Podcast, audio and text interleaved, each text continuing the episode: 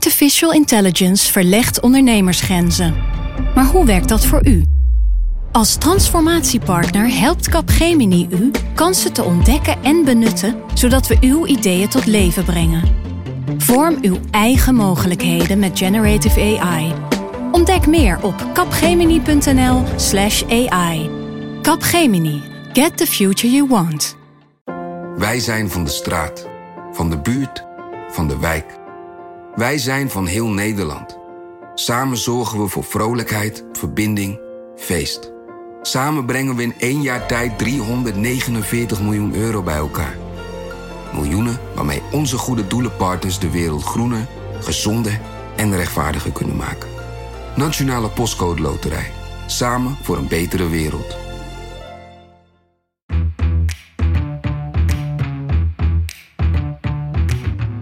Dit is Haagse Zaken. Mijn naam is Lemja Aharwai. We weten voor mijn gevoel relatief weinig van de afgelopen formatie. Ik vraag me af bij Lina Marensen of ze eigenlijk wel kan. Daar kon hij het kleur op van een paar maanden eerder bij Zomergasten in praktijk brengen. Het kan zijn dat het herstel sneller komt dan iedereen verwacht had.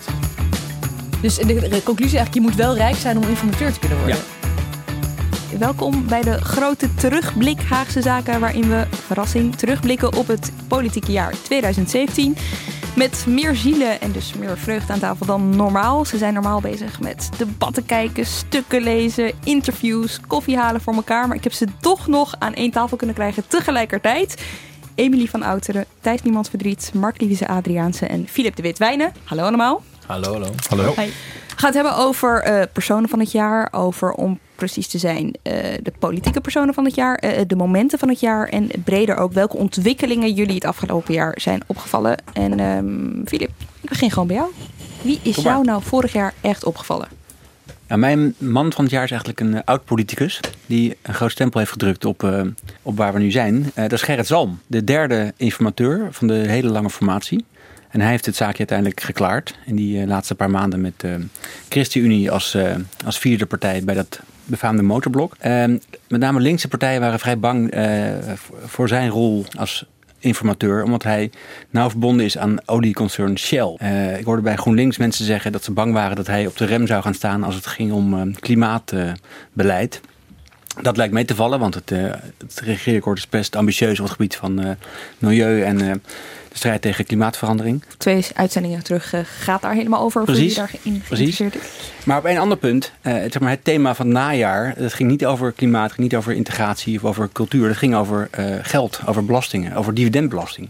1,4 miljard euro, dat kost het. Het afschaffen van de dividendbelasting voor bedrijven. Je moet dit doen om ervoor te zorgen dat het land aantrekkelijk blijft. En dat dus banen blijven voor hele normale mensen. Daar gaat het om. Dat willen ze om Nederland aantrekkelijk te houden voor buitenlandse bedrijven die zich hier willen vestigen. Zouden we dit niet doen, en dat geloof ik tot in mijn diepste vezels, daar ben ik absoluut van overtuigd, dan prijzen we Nederland uit de markt en dat gaat ten koste van werkgelegenheid. Voorzitter, we gaan dus nu 1,4 miljard Ja. uitgeven. Niet omdat economen het verstandig vinden, niet omdat het in een verkiezingsprogramma stond, niet omdat er enige aanwijzing is dat het werkgelegenheid oplevert, niet omdat het Centraal Planbureau zegt dat het effectief is, maar omdat er hier één man is die met elke vezel in zijn lijf zeker weet dat het moet. Volkomen onverantwoord. Voorzitter, dit, dit doet geen recht aan onze discussie tot nu toe. En eh, de grote vraag die in Den Haag eh, werd gesteld was: wie heeft dat nou bedacht? Want geen, enkel, geen enkele partij had dat in het programma staan. En opeens in het regeerakkoord werd die dividendbelasting afgeschaft ter waarde van 1,4 miljard euro. Lijkt het er nou inderdaad op wat u betreft dat het kabinet zich een beetje heeft laten inpakken door het grootkapitaal? Eh, ik vind het zachtjes uitgedrukt. Ik denk eh, dat je makkelijk kunt zeggen dat ze zich laten chanteren door het grote kapitaal. En eh, de enige die het nog eh, stevig omarmt, dat lijkt nog wel de premier. Met iedere vezel die hij in zich heeft, omarmt hij dit voorstel van de dividendbelasting. Eh, er is een theorie, en die is helemaal niet gek. Ik heb hem van een prominent CDA gehoord. Dat het eigenlijk een oude belofte is die Gerrit Zalm heeft ingelost. Oh ja, vertel. Nou, Gerrit Zalm was zelf minister van Financiën ehm, een decennium geleden. Eh, dat was het jaar 2004 dat Shell zelf eh, besloot om het hoofdkantoor in Den Haag te houden en niet naar Londen te verhuizen. Zij wilden toen ook van twee hoofdkantoren één hoofdkantoor maken, wat Unilever nu ook aan het overwegen is. Eh, en ze kozen voor Den Haag. Het verhaal gaat dat ze achter de schermen hebben onderhandeld met het ministerie van Financiën over wat de voorwaarden zouden zijn. En daar kwam ook uiteraard fiscaal beleid bij kijken. En een van de toezeggingen die toen zou zijn gedaan, en daar zijn ook wel aanwijzingen voor, dat de dividendbelasting zou worden afgeschaft. In 2004 hebben we het over. Uh, die stap is, uh, dat, dat is in stapjes uh, gegaan. Dus ook, de eerste stap is al gezet door staatssecretaris Joop Wijn in 2007, door die dividendbelasting te verlagen. En de, de, finale stap om hem af te schaffen is niet gezet, want toen begon de financiële crisis. crisis. Toen was het niet heel handig om te doen. Um, ik kan me heel goed voorstellen dat Salm deze oude belofte in zijn hoofd had toen hij uh, aanschoof uh, bij die, uh, aan die formatietafel. Het, hij zou het ongetwijfeld niet zelf op tafel hebben gelegd, daar is hij te slim voor. Maar um, dat via partijgenoot Rutte naar binnen heeft Dit is nogal een gestuurd. theorie. Is hij geloofwaardig, mensen? Is hij waar? um, nou, als je veel House of Cards kijkt... Um... Nou, de, de, dat, er, dat er toen gesproken is in 2004 is, is, wel, is waar. Dat is ja, ik vind het een fascinerend verhaal. En natuurlijk, wat je zegt, is allemaal, klopt allemaal. Dat ze al, toen al betrokken was. En dat er een strijd gaande is voor die hoofdkantoren van grote bedrijven. Um, en dat we eigenlijk nog steeds niet helemaal helder hebben... waarom die dividendbelasting nou zou moeten worden afgeschaft. Er werd ook al door onze eigen politieke columnist Tom Jan Mees gesuggereerd... dat hij het niet redt uiteindelijk, volgend jaar. Dat die afschaffing niet door zal gaan. Omdat de politieke steun toch ontbreekt. Het, het zou wel zeg maar de politieke deal van het jaar ja, het is evident dat Shell groot belang bij heeft bij de afschaffing uh, van deze dividendbelasting voor hun eigen aandeelhouders. De aandeelhouders bij Shell worden uh, verschillend behandeld, de Britse aandeelhouders en de Nederlandse aandeelhouders. Dat zijn buitenlandse partijen trouwens, maar die investeren dan in een Nederlands aandeel of in een Brits aandeel. Dat is heel onhandig, dus er is van alles voor te zeggen om het af te schaffen. Uh, maar dat die uit de koker van iemand uh, uit, van Shell of Unilever komt, is, uh, is niet gek gedacht. Mm -hmm. En Zalm kent die dossiers heel goed als commissaris van Shell. Het vaste verweer van politici is altijd van ja, jullie journalisten zoeken altijd veel te veel complotten en theorieën wat er achter de schermen gebeurt. En eigenlijk regeert hier veel meer de chaos uh, dan iedereen altijd uh, denkt. Um, dus wat ik me voor kan stellen is dat, is dat het helemaal niet ondenkbaar is dat Zalm hier nog wel eens even goed aan teruggedacht heeft. En wel niet heeft tegengehouden toen het aan tafel kwam. Of nog even een. Wat is zijn, wat is zijn belang er nu nog bij om, de, om die belofte in te lossen? hij is commissaris bij Shell. Krijgt hij anderhalf ton per, per jaar voor, voor een aantal vergaderingen. Dat is een zware baan trouwens hoor. En een grote verantwoordelijkheid. Um, zijn bedrijf heeft er belang bij, zijn aandeelhouders. En ik denk dat dat ook in commissarissenvergaderingen wel eens voorbij komt. Ja. We moeten, hoe is het met die dividendbelasting die in 2004 zou worden afgeschaft? Komen we hier nou nog achter? Want we hebben natuurlijk die enorm lange formatie gehad. Die hebben we uitvoerig geconstrueerd. Andere journalisten, wij ook. Met algemene reconstructies. We hebben een prachtig verhaal met name over de rol van de ChristenUnie gehad in de krant.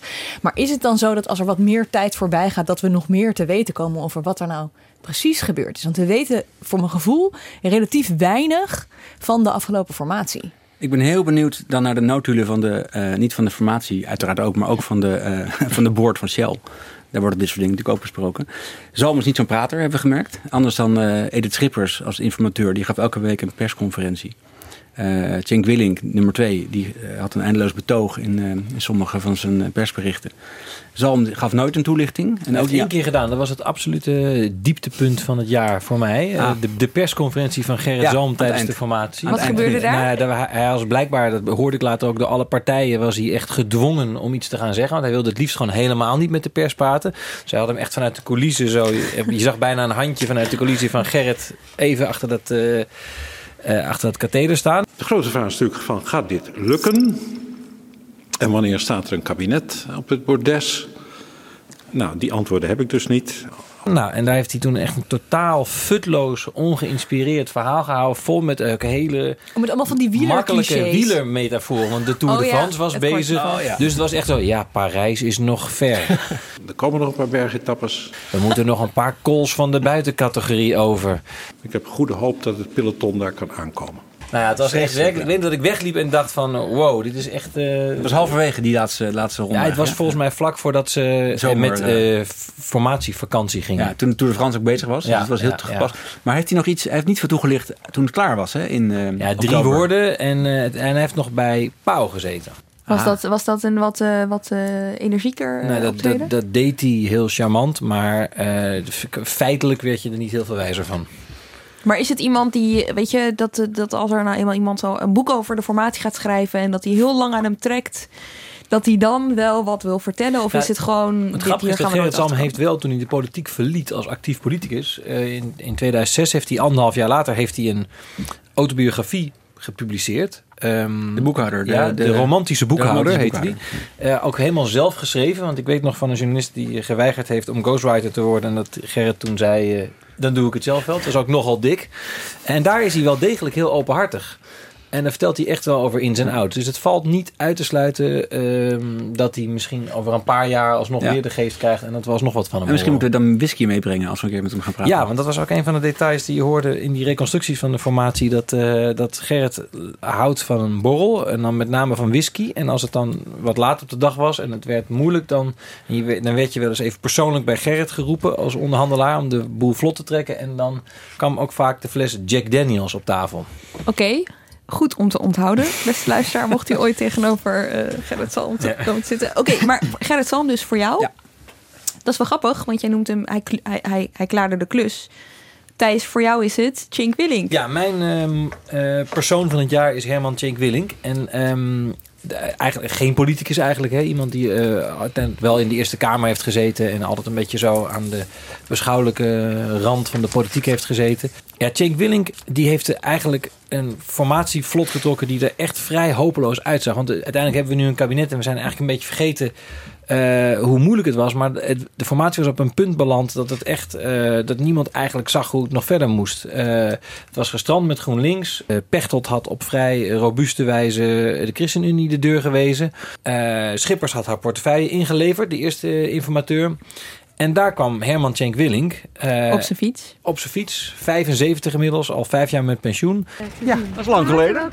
Eh, het is inderdaad lang geleden. Ik had ook niet gedacht dat we elkaar op deze plek en, eh, weer zouden ontmoeten. Maar het is zoals het is. En ja, de reacties waren een beetje zo van... oh, daar komt toch een soort dinosaurus uit het verleden aan. Weet je, zo van, eh, sommige mensen in Den Haag vonden Jake Willink ook altijd een beetje een oude zeur... die altijd maar met die ellenlange Nederland betogen... is niet het land van de grote gebaren, van de grote stappen snel thuis. Hoezeer we daarnaar Maar soms eh, verlangen. de feiten zijn de feiten. En die zijn dat hij gewoon door eh, een, een aantal weken heel secuur... eh, gewoon stapje voor stapje het proces te doorlopen... en mensen te dwingen kleur te bekennen... uiteindelijk die vier partijen bij elkaar heeft gedwongen... die uiteindelijk een kabinet zijn gaan vormen. De credits zijn voor Zalm dat hij de klus heeft afgemaakt... maar Cenk Willink heeft, heeft ze bij elkaar gezet. Maar Jack Willink heeft eh, overigens niet de vier eerste partijen bij elkaar weten te houden. Nee, dat is waar, was, maar je was- zou kunnen zeggen dat dat onderdeel van zijn klus was. Want toen de, na de eerste breuk met GroenLinks eh, hing het toch nog steeds een beetje in de lucht of ze niet nog een tweede poging zouden doen. Nou, die is ondernomen met hem. En toen dat eenmaal strandde, toen werd het ook heel erg duidelijk. Dat gaf hij zelf ook aan in, eh, in, in, zijn, in zijn persconferentie van het is nu echt klaar met GroenLinks. Dus in feite zou je dat ook als een stap van... Eh, hij zei zelf, zijn gezegde zelf is altijd formeren is elimineren. Nou, dat is wat hij zelf... eh, ja, hij heeft echt Mooi. de daad bij het woord gevoegd. Hij liet ook Maar al die dan- brieven schrijven, toch? He- Heeft hij dan heel bewust aangestuurd op, een, op het elimineren van de optie met GroenLinks, denk je? Nee, maar hij heeft gewoon wel aangestuurd op... we gaan nu tot het punt waarin duidelijk wordt dat, het of, dat we of er werk van gaan maken... of dat, die, dat, dat Klaver echt afhaakt. En dat was ook volstrekt duidelijk op het moment dat ze daar wegliepen in het katshuis. En later heeft hij, nou, zoals je zei, heeft hij, eh, heeft hij zijn brieven laten schrijven. Dat was ook wel een mooie episode. Heel ouderwets eigenlijk, hè? gewoon. En hij heeft gewoon tegen Rutte en tegen Buma gezegd... "Sch- stellen jullie nou nog eens een keer op schrift... waarom jullie niet met Wilders willen... Hij heeft aan Roemer gevraagd: schrijf, stel jij nou nog eens even op schrift waarom je echt absoluut niet met de VVD wil. Dat werden vrij eh, nou, stevige eh, schrifturen, werden dat, waarin vrij duidelijke Relatietherapie eigenlijk, hè? En met Schrijf die het nog maar brieven in de hand eh, kon hij dus uiteindelijk naar die resterende vier partijen en zeggen: jongens, het staat zwart op wit. Mm. Er is geen andere optie. Jullie moeten het met elkaar gaan doen. Vind- Vinden jullie dat Cenk Willink genoeg credits heeft gekregen voor zijn werk? Nou, wat ik bijzonder vond is dat Cenk Willink ook zichzelf elimineerde. Want als hij dat had gewild, had hij prima door kunnen gaan als informateur. Ja.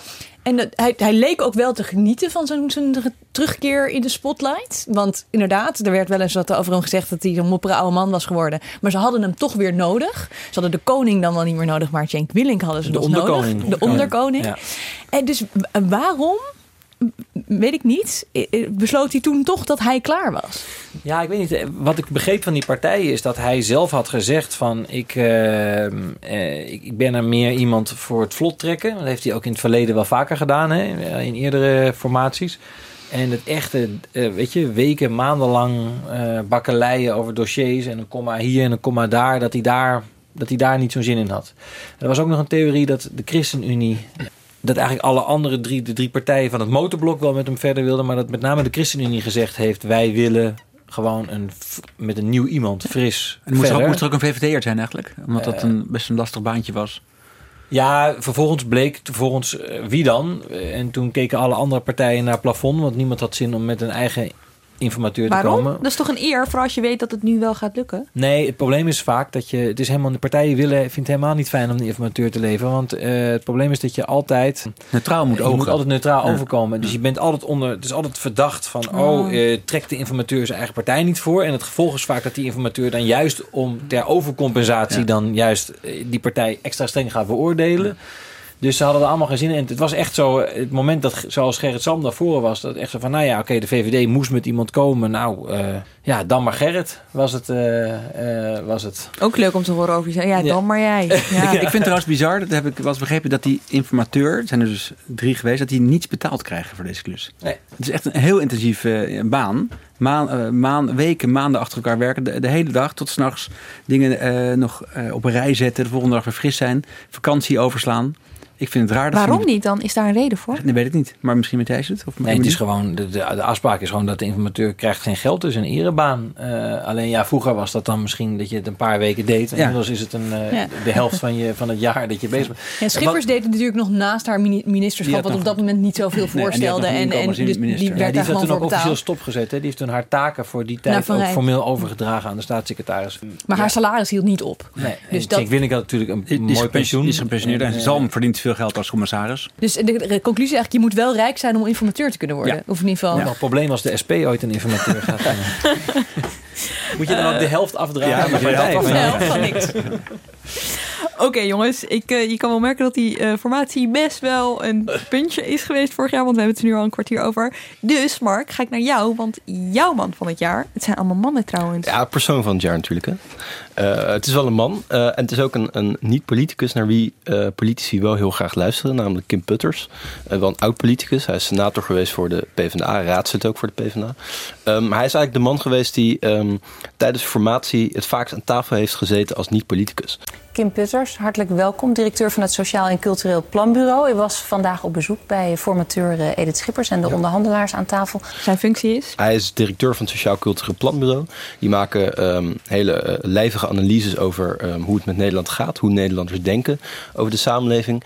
Ehm, en in het jaar waarin partijen op zoek waren naar de gewone man, de gewone vrouw, de gewone Nederlander, eh, de boze Nederlander, ehm, waren die analyses erg eh, in trek. Heel veel partijen wilden heel graag horen hoe het met Nederland gaat. Ehm, en wij zien dat het met heel veel mensen in ons land goed en ook heel vaak beter gaat dan eh, sinds de crisis.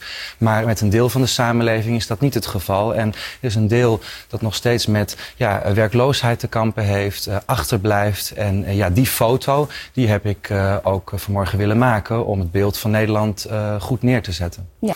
Ehm, dus Kim Putters gaat ook heel veel partijen langs. Hij was laatst bij de SP in Breda. Zat hij op een podium ehm, een verhaal te vertellen dat ze bij de SP heel graag horen. Dus dat gaat om de samenhang in de samenleving. De groepen niet tegen elkaar moeten staan. Maar datzelfde verhaal willen ze ook graag bij de VVD horen. Vertelt hij overal het verhaal dat ze willen horen? Of Nou nee, maar hij heeft wel een verhaal eh, waar veel partijen benieuwd naar zijn. Dus de scheidslijnen in de samenleving. Wie staan er tegenover elkaar? Eh, wat vinden mensen?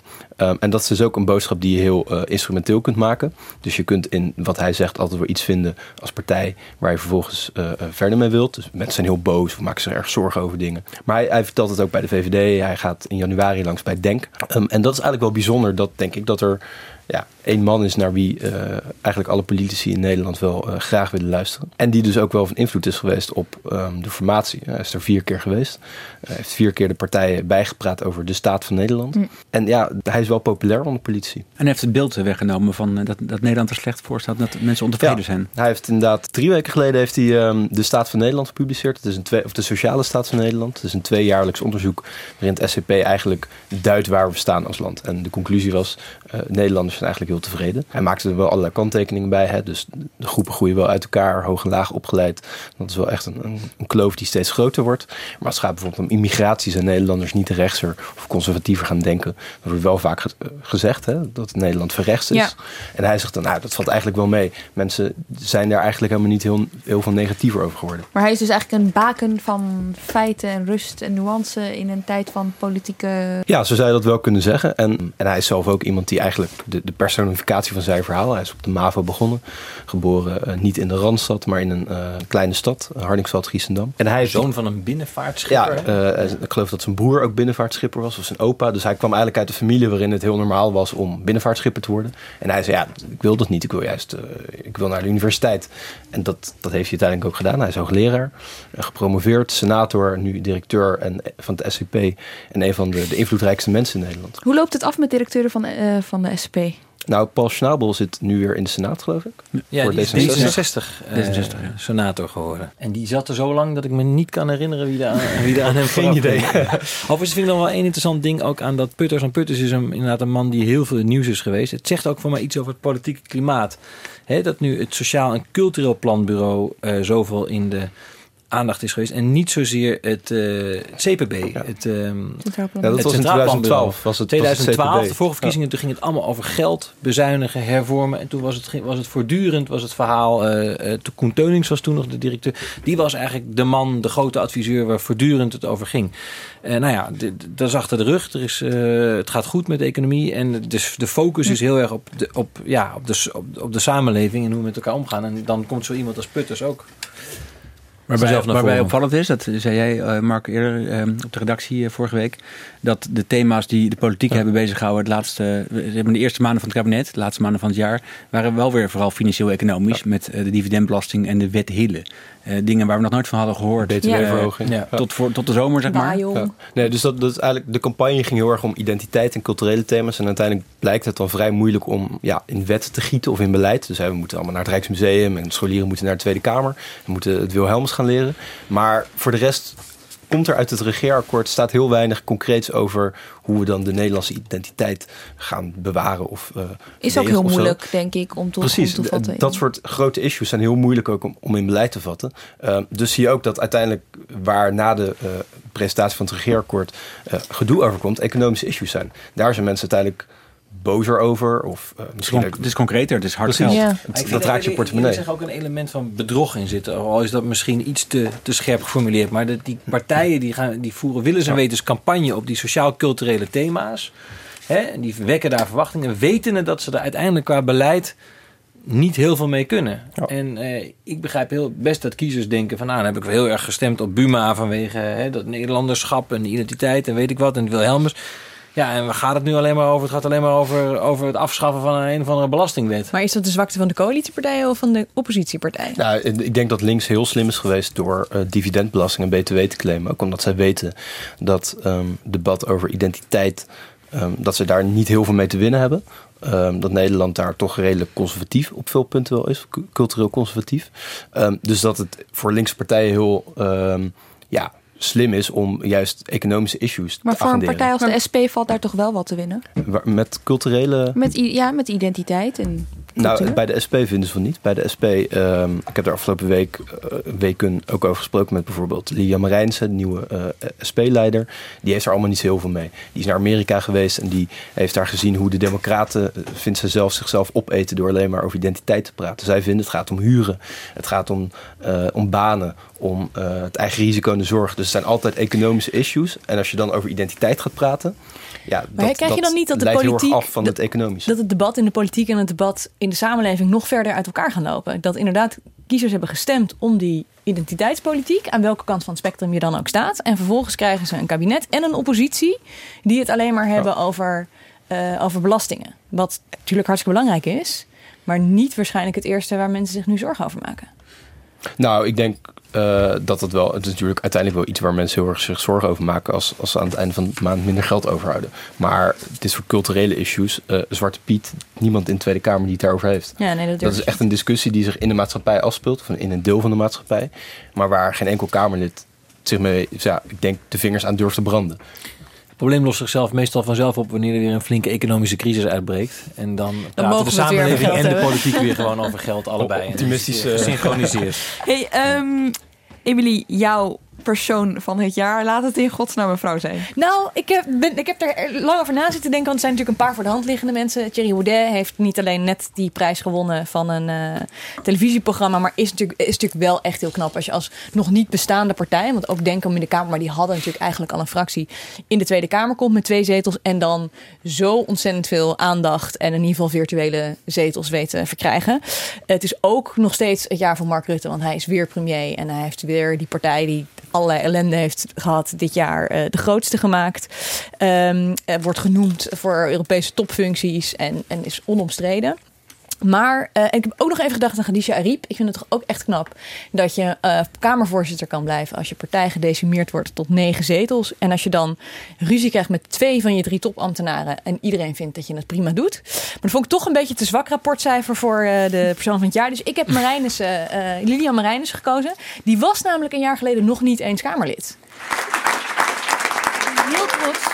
Ik ben super vereerd dat de fractie van de SP mij vanochtend het vertrouwen heeft gegeven om het partijleiderschap van Emiel Roemer over te nemen. We hebben het wel over mensen die dan heel snel eh, op zijn gekomen als fractievoorzitter. Maar Klaver zat gewoon vijf jaar in de Kamer voordat hij dat mocht doen. Eh Samson zat negen jaar in de Kamer voordat hij het werd. En Marijnissen zat in, zat in januari 2017 nog niet in de Kamer. Gedoodverfde opvolger natuurlijk van Roemer. Maar uiteindelijk... ehm, eh, en oh, ze kreeg ook meteen de zorgportefeuille. Ze was, was erg in, in beeld, in ieder geval in de Kamer. Daarbuiten denk ik, viel het nog wel mee. Ehm, en nu hebben we gelukkig weer een tweede vrouwelijke fractievoorzitter. Het en die strijd op vrouwelijke links. fractievoorzitters is verdubbeld. Ja, precies. En dat, en dat maakt die, zowel die linkse eh, eh, strijd als samenwerking een stuk interessanter. Eh, want Ascher en Klaver konden lekker samen eh, oppositie voeren. En Emiel Roemer deed ook leuk mee. Maar nu hebben ze er iemand bij gekregen waar ze wel degelijk meer rekening mee moeten houden. En wat eh, bij de vraag oproept: hoe lang blijft het voor die drie partijen eh, gelukkig om zo samen op te trekken? Ik vraag me af bij Lina Marijnissen of ze het eigenlijk wel kan. Of ze, ehm want Roemer was natuurlijk een beetje, eh, die had het lastig bij eh, ingewikkelde dossiers, vooral als het over cijfers ging. Die had niet als een, ehm, als een kennis paraat. Eh, wie kent Lilian van ons het beste? Jij misschien, Mark? Is zij, is Nou, zij dossiervreter? Ja, zij is wel goed iemand die verwoorden? Ja, enorm hard werkt, enorm veel dossiers leest. En ze is natuurlijk inderdaad, ze werd zorgwoordvoerder. Dat lag ook een beetje voor de hand, omdat ze eh, bij eh, de vakbond al met zorg bezig was. Dus heel veel mensen kenden haar ook al wel een beetje vanwege haar zorgacties. Ehm, maar zij probeert zich wel te verbreden door ook met gewoon andere onderwerpen daar ja, meer kennis over te vergaren. En zij lijkt wel politiek handiger eh, dan Roemer. Dus is, ze, heeft minder de gunfactor bij, bij, bij, denk ik, de rest van de Kamer en bij de rest van Nederland dan Roemer. Daar, daar, dat, dat had iets schattigs. Ze is veel feller, ze is veel Ja, eh, ze is veel scherper. Ze vindt veel debatteren scherper. vindt ze- vindt maar, ze leuk. Maar past daarom waarschijnlijk ook meer bij, dat, bij het, activisti- het activisme wat de SP wil. eh, en, en biedt echt iets anders dan de partijen waar ze mee Maar je moet niet onderschatten het feit, eh, iedereen zegt wel heel makkelijk nu van ja, dat, dat, gaat, dat gaat ze even doen. Maar ik denk dat je niet moet onderschatten, ze belandt hier eh, in, eh, bedoel, ze heeft ontegenzeggelijk talent, hè, maar ze heeft inderdaad alles bij elkaar pas een acht maanden in de Kamer rondgelopen. En ze belandt daar tussen een club fractievoorzitters die al jaren en jaren met elkaar eh, daar debatteert. Ik bedoel, mensen als Pechtold, eh, eh, Buma, eh, die lopen daar eindeloos rond. Iemand als Dijkhoff, die is ook al heel lang de- in de Kamer gezeten voordat hij bewindspersoon werd. Kan En toch dat ook is- voordelen hebben? Dat zag je bij Rutte- ook. Hè? Daar komt wel een ontgroening. er komt een ontgroening. Het zijn gewoon mensen die zijn volkomen op elkaar ingespeeld. Die, die kennen elkaar van haven tot gort. Jij komt daar nieuw tussen. En dat is bijna een soort van... eh, ik geloof dat Tom Jan Meijers die, eh, eh, die metafoor ooit gebruikte. Het bestuur van de Rotary. En er komt iemand bij. En nou, dat, dat kan, dan, dan, moet je even, dan moet je even ontgroend worden. Dus, dus ze gaat geheid eh, in het begin een paar keer lastig krijgen. Ja, maar tegelijkertijd, dat heeft ze wel vaker gehad. Want zij kwam, ik geloof op de 23e, ging ze bij de bond werken. Ehm, en zat ze net afgestudeerd tegenover allerlei zorgdirecteuren om te onderhandelen over cao's. Ehm, dus zij is wel gewend voor een, voor een deel, en niet zozeer in het publieke debat al, maar wel gewend om tegenover mensen te staan die gaan proberen haar eh, ja, een beetje onderuit te krijgen. Of een beetje te narren of kijken waar de ruimte zit. En ik denk dat het voor de SP ook niet eens erg is. Hè? Ik denk dat als je de nieuwe man of vrouw van de VVD bent of van het CDA en je wordt gepakt door de rest van het parlement, dat dat dan een teken van zwakte is. Terwijl ik denk dat het voor een partij als de SP, ook al kan je dat vrij snel uitleggen als kijk, zo werkt het in Den Ja, Haag en daar zijn wij tegen. Dat hebben ze met Roem Ja. natuurlijk ook Ja. vaak gedaan. Door te zeggen, ja oké, hij was misschien in de debatten niet de sterkste. eh, En misschien eh, drie verkiezingen op rij verloren. Maar hij is wel de meest betrouwbare Iedereen man wil een van auto van hem kopen. Precies. Het is wel opvallend Ja. hoe ongelooflijk blij Emiel Roemer eruit zag bij de bekendmaking van zijn vertrek. Beste mensen, ik wil u graag eh, mededelen wat u wellicht allemaal al voelt aankomen. Maar dat ik gisteren mijn fractiegenoten heb laten weten dat ik begin januari de Tweede Kamer zal verlaten.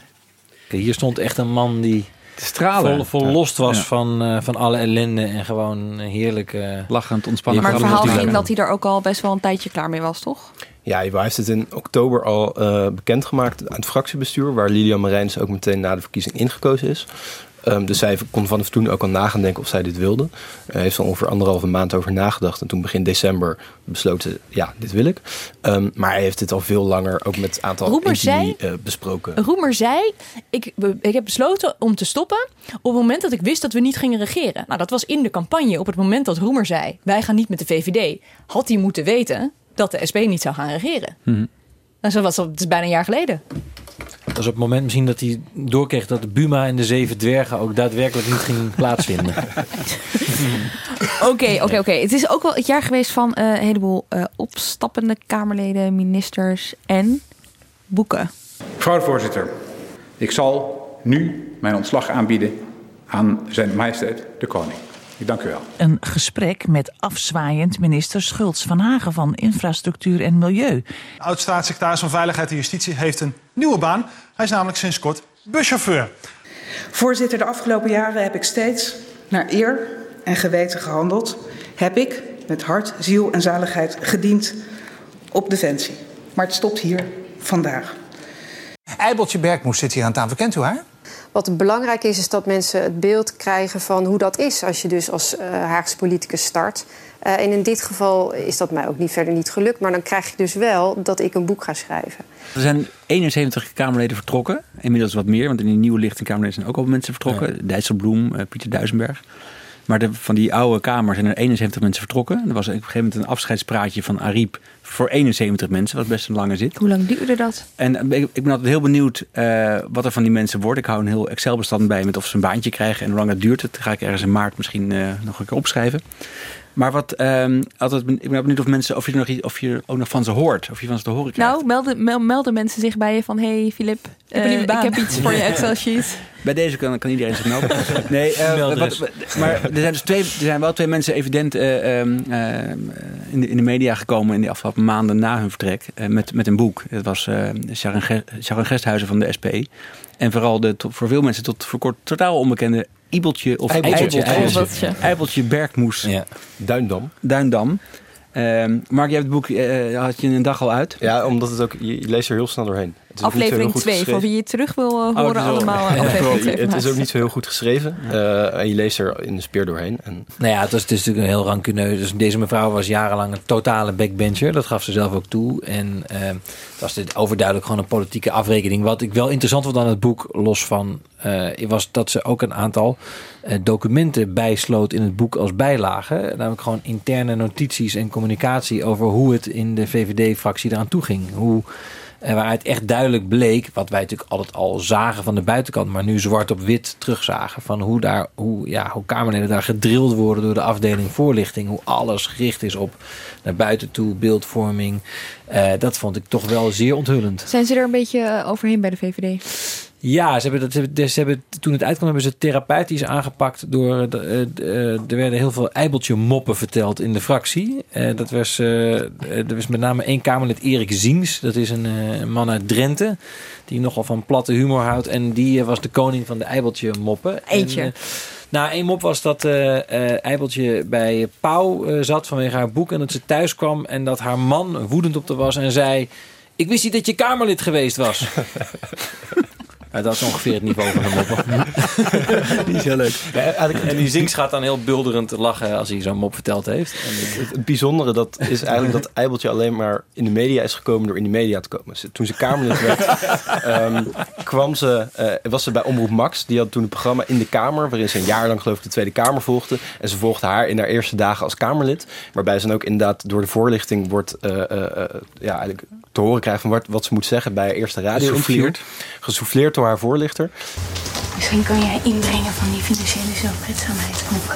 Nou, ik ga heel tevreden uit de Kamer weg als de financiële zelfstandigheid van met name vrouwen geregeld is. En nou, dat was de eerste keer. De tweede keer was vlak voor de verkiezingen toen ze een uitspraak deed over eh Eurabië. Eh, tijdens een, een totaal vergeten algemeen overleg voor- verder in de Tweede Kamer. Waar Jaap Jans van BNR toen een item over heeft gemaakt. Nou is het beeld Eurabia is een beetje van eh, Europa wordt overspoeld door mensen uit het Midden-Oosten. Sterker nog, Europa wordt op een gegeven moment erin getrokken en gaat zelf tot het Midden-Oosten behoren. Nou, je ziet een vermenging van de culturen die niet mengen. Dat is eh, eeuwen oud dat we elkaar de hersens inslaan vanwege het geloof. Dus ja, daar, ja dat is gewoon een no-brainer voor mij. Trump zou zeggen, it's a fact, weet je wel. Dus dat is wel echt mijn mening. Toen kwam iedereen ineens te weten wie zij was. En de derde keer was met haar boek. Eh, maar wat ze daadwerkelijk in de Kamer gedaan heeft. En vergeet niet dat ze ook nog op de Volkskrant ranglijst van meest onzichtbare Kamerlid eh, de, de eerste prijs won. Ja. dat was ook zo weer zo alleen maar in de Maar toen media. mocht ze niet met de Volkshand praten van de afdeling voorlichting. Nee, precies. Ik hoorde van, eh, ik hoorde van collega-Kamerleden die ook al jaren met haar in de Kamer zaten, dat die zich aan haar moesten voorstellen bij een, eh, weet ik veel, bij een petitie-indiening in de hal van de Kamer. Omdat ze geen idee hadden wie het was. Die dat ze- Ploemen. Ploemen. Ploemen een keer bij Pauw ook gewoon. Dat ze, dat ze, dat ze daar erachter kwam dat het dus blijkbaar een Kamerlid was. Ja. kijk, en het, het, het lastige of het interessante van de boek is misschien ook... eh, het hoeft niet zo te gaan. Je hebt bij elke partij backbenchers. Maar je hebt bijvoorbeeld Roelof van Laar. Die, heeft ook, die is ook vertrokken bij de PvdA. eh, of die vertrokken bij de PvdA. Die was geloof ik nummer 40 of zo op de lijst. Ehm, en die was ook een backbencher. Maar die heeft wel geprobeerd er iets van te maken. En dat beschrijft hij in zijn boek. En hij beschrijft ook dat het ook mede dankzij hem mislukte. Ehm, maar hij heeft wel geprobeerd om dingen te agenderen. En uit het boek van Eibeltje blijkt veel meer een soort van ja, eh, onvrede, maar ze probeert er ook heel weinig aan te doen. Ja, veel slachtofferschap. Ja, precies. Ja. Over, over, over slachtoffers gesproken. Er zijn voor mij ook twee eh, evidente slachtoffers geweest in, eh, bij de VVD. Die hebben ook weer, toch weer twee bewindslieden verloren het afgelopen jaar. Ja. Begon, het eindigde met, met Hennis, eh, Janine Hennis Plasgaard. Vlak voor het, eh, zeg maar het einde van haar demissionaire kabinet. En het begin van het nieuwe. Dat heeft volgens mij vooral haar eh, nieuwe ministerschap eh, gekost. En nu is ze weer eh vrouwelijk Kamerlid met een zware portefeuille.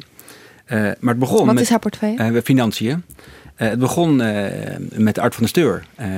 Buitengewoon tragisch einde van een ehm, eh, man die, heel, die al vanaf zijn geboorte gevierd politicus had willen worden. En daar ook alle stappen voor had gezet die nodig waren. Via lokale politiek naar Tweede Kamerlidmaatschap. En toen zich meer letterlijk is ingevochten in het ministerie van, ehm, van toen nog V&J. En binnen een jaar, heeft het jaar niet eens volgemaakt, eh, sneuvelde hij ook over een oude bananenschil. eh, de zogeheten bonnetjesaffaire. En, die, en ik ben hem laatst tegengekomen.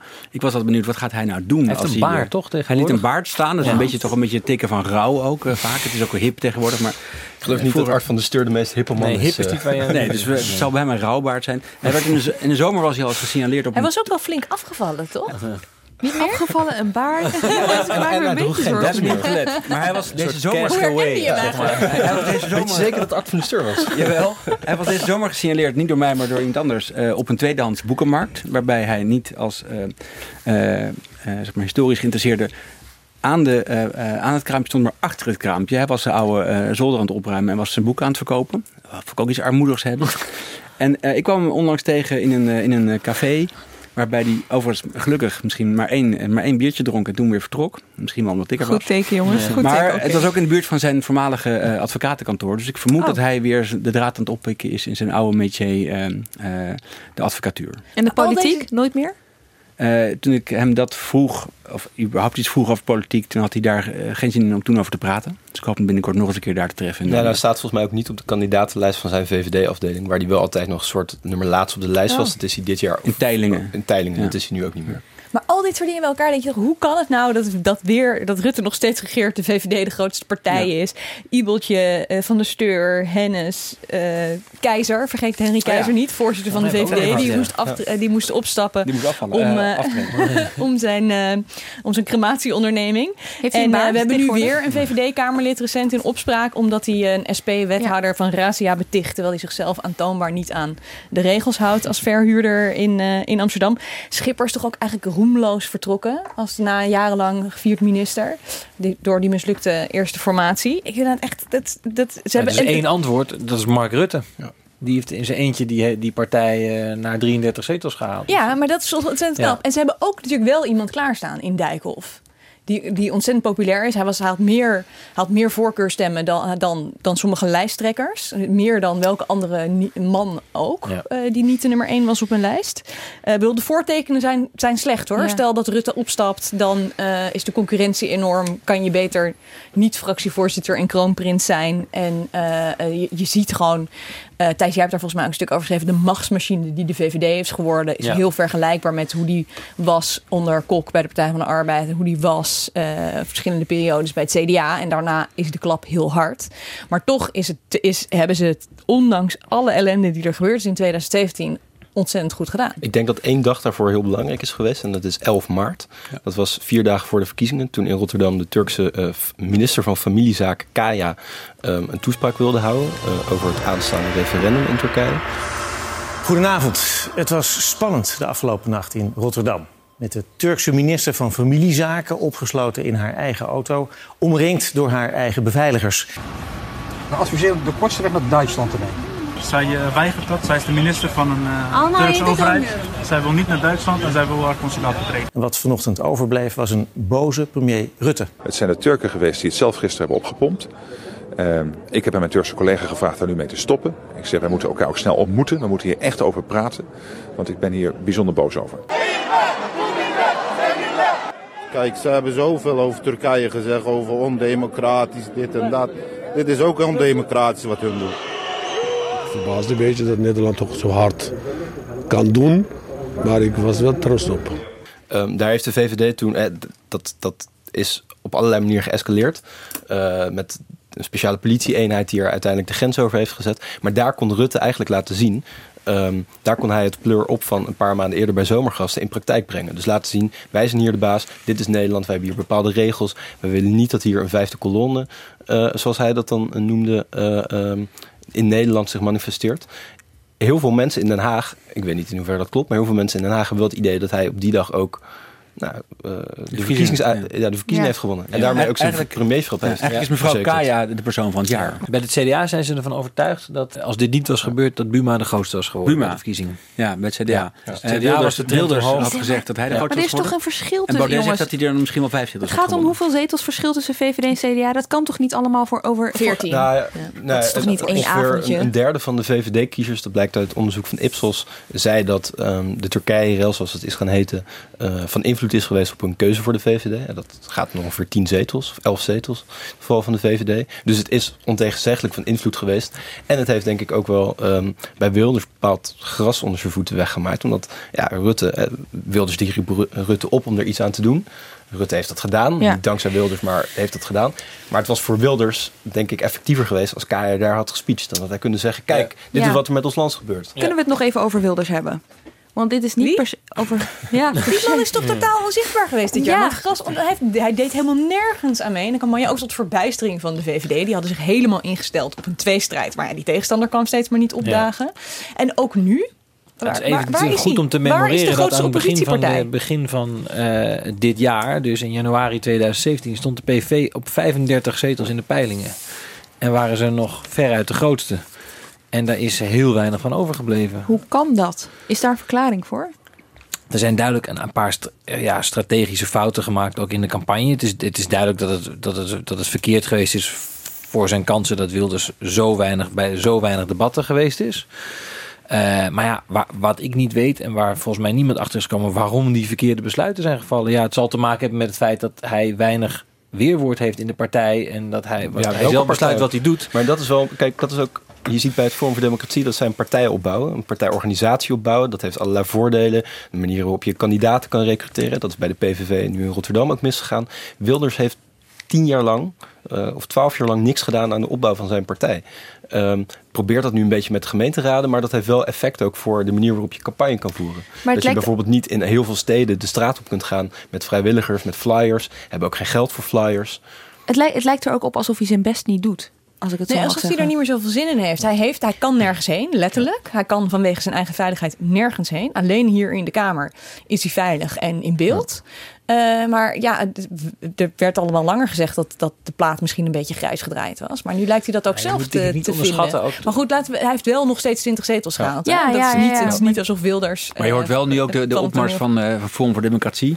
De mensen die ik daar veel spreek. eh, en nu eh, ook op papier, eh, in ieder geval op papier op hem op Baudet, op Baudet willen gaan stemmen. Die vinden dat Wilders ook wel iets te radicaal is eh, in zijn uitspraak. En dat Baudet een beetje de iets fatsoenlijke variant daarvan is. Dus er zijn, er is een groot deel van de, van de kiezers lijkt om die reden. Die zien nu een alternatief. En ze kunnen er lid van lopen. worden. Dat is Ja, ook precies. belangrijk. Je kan En- niks met En, Wilders. wa- en wat gewoon echt duidelijk aantoonbaar heeft gewerkt, is dat, is dat die andere partijen allemaal hebben gezegd: wij gaan niet met deze man regeren. Dus eh, Rutte, die op een gegeven moment eh, begin januari gewoon heeft gezegd: de VVD gaat niet, mark my words, met de PV regeren. En die andere partijen zijn gevolgd. Ja, daar, dat maakte toch voor een aantal kiezers. Da- daarmee wist je zeker dat zelfs als, als Wilders 40 zetels gehaald zou hebben, dan zou die nog niet in het kabinet zijn gekomen. En daar zijn heel veel kiezers toch uiteindelijk wel gevoelig voor. Vooral nu er dus een alternatief is. Ja, maar dat speelde toen nog niet, want eh, toen was Baudet nog niet. En dat zijn eh, peilingen waarin Baudet nu zo groot is. Ja, Ja, laat nee, niet maar tot toen Nederland was het duidelijk. Zo zie je maar dat kiezers, ik bedoel ook kiezers, anti-establishment kiezers, die graag eh, de gewone partijen een schop onder hun hol willen geven. Ook die zijn uiteindelijk gevoelig voor, het, voor de wetenschap dat die partij die, waar zij op zouden kunnen gaan stemmen, per definitie buitenspel staat. Ik denk dat dat een hele slimme tactische move geweest is, met name van Rutte, om dat zo duidelijk te zeggen. Over partijen die buitenspel staan eh, gesproken. Of eigenlijk een partij die, waarvan je zou verwachten dat ze buitenspel zouden staan na eh, een zetelverlies van 29. Tja. Maar die dus nog steeds hartstikke ja, meedoen. De PvdA. Partij van de Arbeid heeft een historisch verlies te verwerken. Een dramatische nederlaag. 29 zetels, het grootste verlies voor de Partij van de Arbeid ooit. Dit is een bittere avond voor de Partij van de Arbeid. Ik denk dat ja, alle sociaaldemocraten vanavond een kras op hun ziel hebben gekregen. Ja, dat is natuurlijk, je zijn het alweer bijna vergeten, maar het is natuurlijk ongelooflijk. 29, ik probeer, laatst probeerde ik de hoeveelheid nog weer eens te laten doordringen. 29 zetels, dat is de allergrootste nederlaag ooit in de Nederlandse parlementaire geschiedenis. Echt alle partijen, eigenlijk bij de verkiezingen was het beeld, je had zo'n beeld met groen en rood. Hè, zie je dan bij de exit poll van wie wint er en wie verliest er. En meestal is het een beetje gemengd. Nu was het eigenlijk, alles was groen. En, eh, en de PvdA was rood. Ja, en de SP, want die verloren één zetel. Maar het betekent dat eigenlijk iedereen heeft geprofiteerd van de totale implosie van de PvdA. En het is, ja, het is natuurlijk, iedereen had wel aanzien komen dat het niet best zou zijn. Maar dat het zo dramatisch zou zijn, dat, daar, daar, daar was En iedereen de VVD totaal heeft natuurlijk ook verloren. Die kwamen van Ja, 41. ja, ja. Ehm, maar inderdaad, dat- dat je dus twee coalitiepartijen hebt. Van een, van een kabinet waarvan iedereen uiteindelijk waarschijnlijk zal zeggen dat ze het goed gedaan hebben in die crisis, maar wat niet populair was. Dat dan, dat dan de ene partij daar een beetje last van heeft en de andere partij eigenlijk niks van over. Komt dat dan door die leider? Want jij zei net, hè, Mark Rutte, dat is dan de reden waarom het met de VVD alsnog goed is gekomen. En is dat dan is er mist, mist als Nou dan. wat natuurlijk wel gespeeld heeft, is die leiderswissel met Ja. Asscher en Samson. Hè? En Diederik Samsom die is daar ook van overtuigd dat dat heeft bijgedragen tot de grote nederlaag. Het heeft van de, van de zomer een, had hij een groot interview bij ons in, ehm, in NRC. En toen heeft hij ook gezegd van ja, als je dan vlak voor de verkiezingen de, de leider van de kar gooit, dan geef je als signaal, als partij van we geloven er zelf ook niet meer in. Eh, dus hij denkt dat, dat, dat dat echt nog tien zetels geschild heeft. Eh, maar de meningen lopen in de partij nog steeds, is wel interessant, nog steeds volledig uiteen over hoe het, eh, waar, het, waar het van gekomen is. Ja, het heeft denk ik ook wel ideologische redenen, toch? Dat de manier waarop de PvdA het kabinet zat. Hè, bijvoorbeeld Jetta Kleinsma, die allerlei dingen met sociale werkplaatsen, die, die moesten sluiten. Dijsselbloem, die het imago heeft, en dat klopt voor een deel denk ik ook wel, van een hele harde bezuiniger. Dat zijn niet de mensen die je als PvdA-stemmer En je stemt op de PvdA met het idee, die gaan uh, volk verheffen en uh, sociale huisvesting komen op voor die mensen. En vervolgens heb je uh, kabinetsbeleid dat daar niet helemaal op aansluit.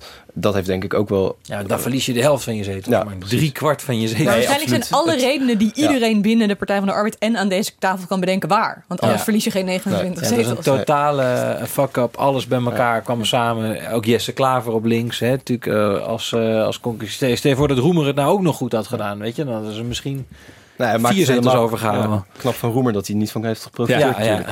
Ik heb, ik heb heel ja, veel. Ik heb grote bewondering voor de, voor de huidige fractie van de PvdA. Met z'n negenen, eigenlijk met z'n achten. Want Ariep zit uh, aan, de, ja. aan de voorzitterstafel. Uh, dat die het zo snel hebben uh, opgepakt. En weer eigenlijk heel vro vrolijk en heel fel politiek zijn gaan bedrijven. Oppositie zijn gaan voeren. Uh, Arsje voorop, die doet hij volgens mij goed. hij is heel enthousiast en heel uh, verbeterd. Heel uh, krachtig zou ik zeggen. Ja. Uh, maar ook iemand als Sharon Dijksma, die, was, die is natuurlijk ook al duizend jaar in de politiek. is bewindspersoon geweest een paar keer. En die gaat enthousiast terug. De enige die dat niet was, heeft gedaan, is Dijsselbloem. Die is, die is afgehaakt.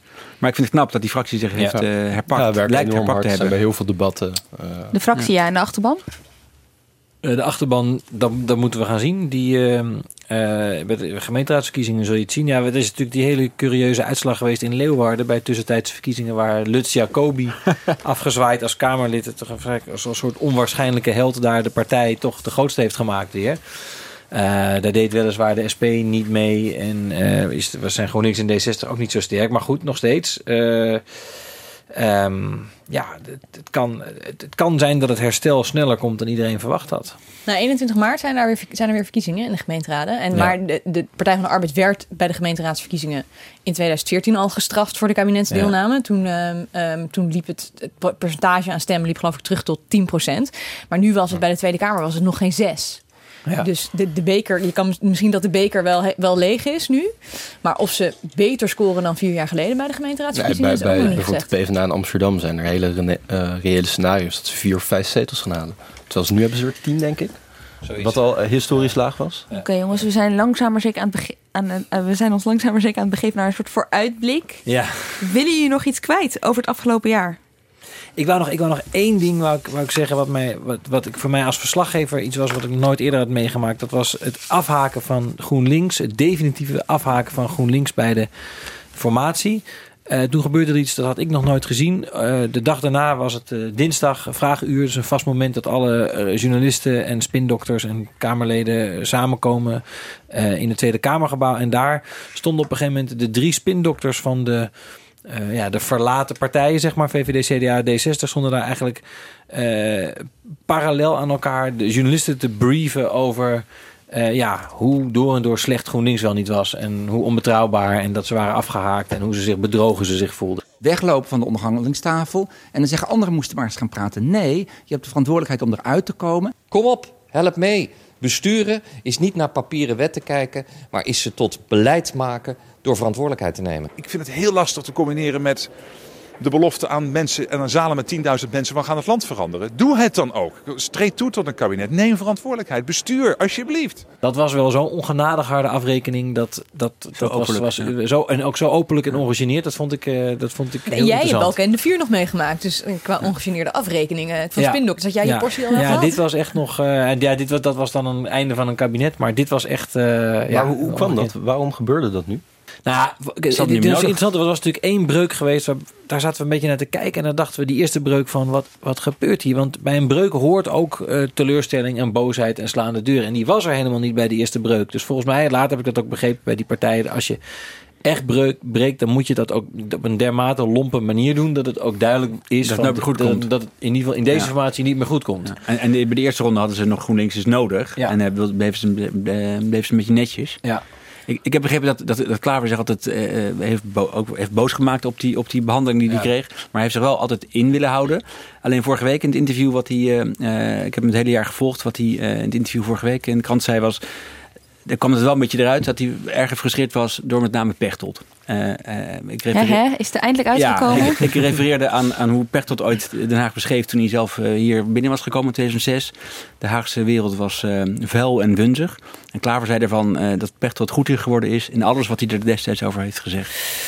Op- Wat ik opmerkte in thuis hier aan is dat je had natuurlijk ook de breuk voordat er iets was tussen Pechtold en de ChristenUnie. Dat Ja. Pechtold eigenlijk al meteen tegen Segers zei dat Segers er als een soort schooljongen achter stond toen de camera's eh, na hun gesprek buiten stonden te wachten. Dat was ook echt zo'n dat was echt zo'n botte breuk Ja. waarvan Ja. je dacht dit komt niet meer goed. En dat kwam juist weer wel goed. Met een tenenkrommend etentje Ook bij een een, ook met later een veldtrucje van ja, bij een later gesloten eh, restaurant. Ja. Eh, dus dus dat was precies zo, of niet precies zo, maar dat was ook wel heel erg eh, de ellende van de politiek. De, de, Ja, het was eigenlijk nog mooier. Segers die deed het grootste deel van de woordvoering. Dus die ging daar ook nog de teksten van Pechtold uitspreken. Die, die, was, er, die was er helemaal die volledig ingeluisterd. Leuk detail, Emily, die- dat restaurant is gesloten vanwege... Ja, hygiëne.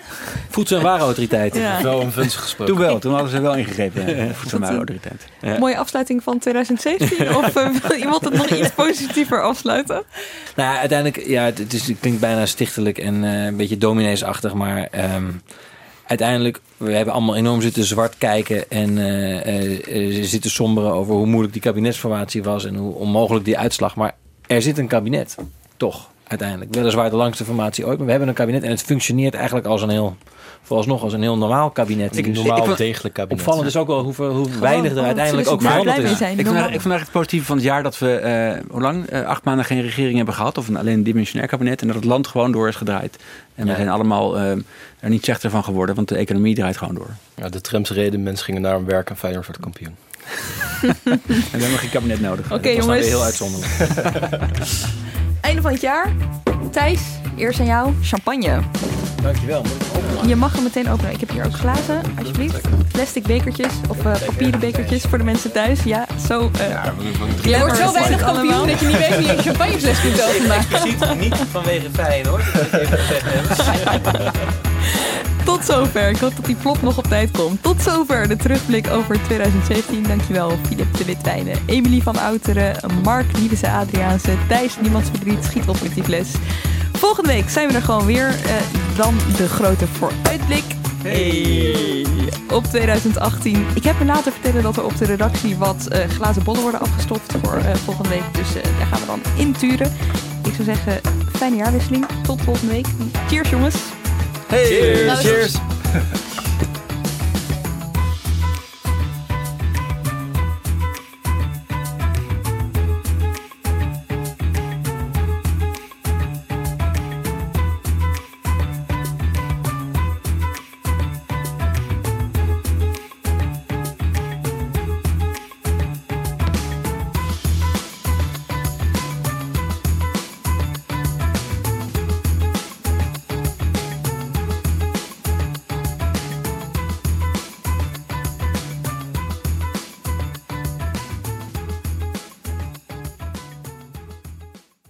aardig wat vermogen opgebouwd. En daar zit je dan, met je ton op de bank. Wel een beetje saai, hè? Wil jij, als belegger, onderdeel zijn van het verleden of van de toekomst? Bridgefund is een slimme fintech die een brug slaat tussen de financiële behoeften van ondernemers en van beleggers. Dus wie belegt bij Bridgefund krijgt niet alleen een mooie vaste rente, maar brengt ook ondernemers in beweging. Echt waar, met die ton kan je zoveel betere dingen doen. Bridgefund. Make money smile.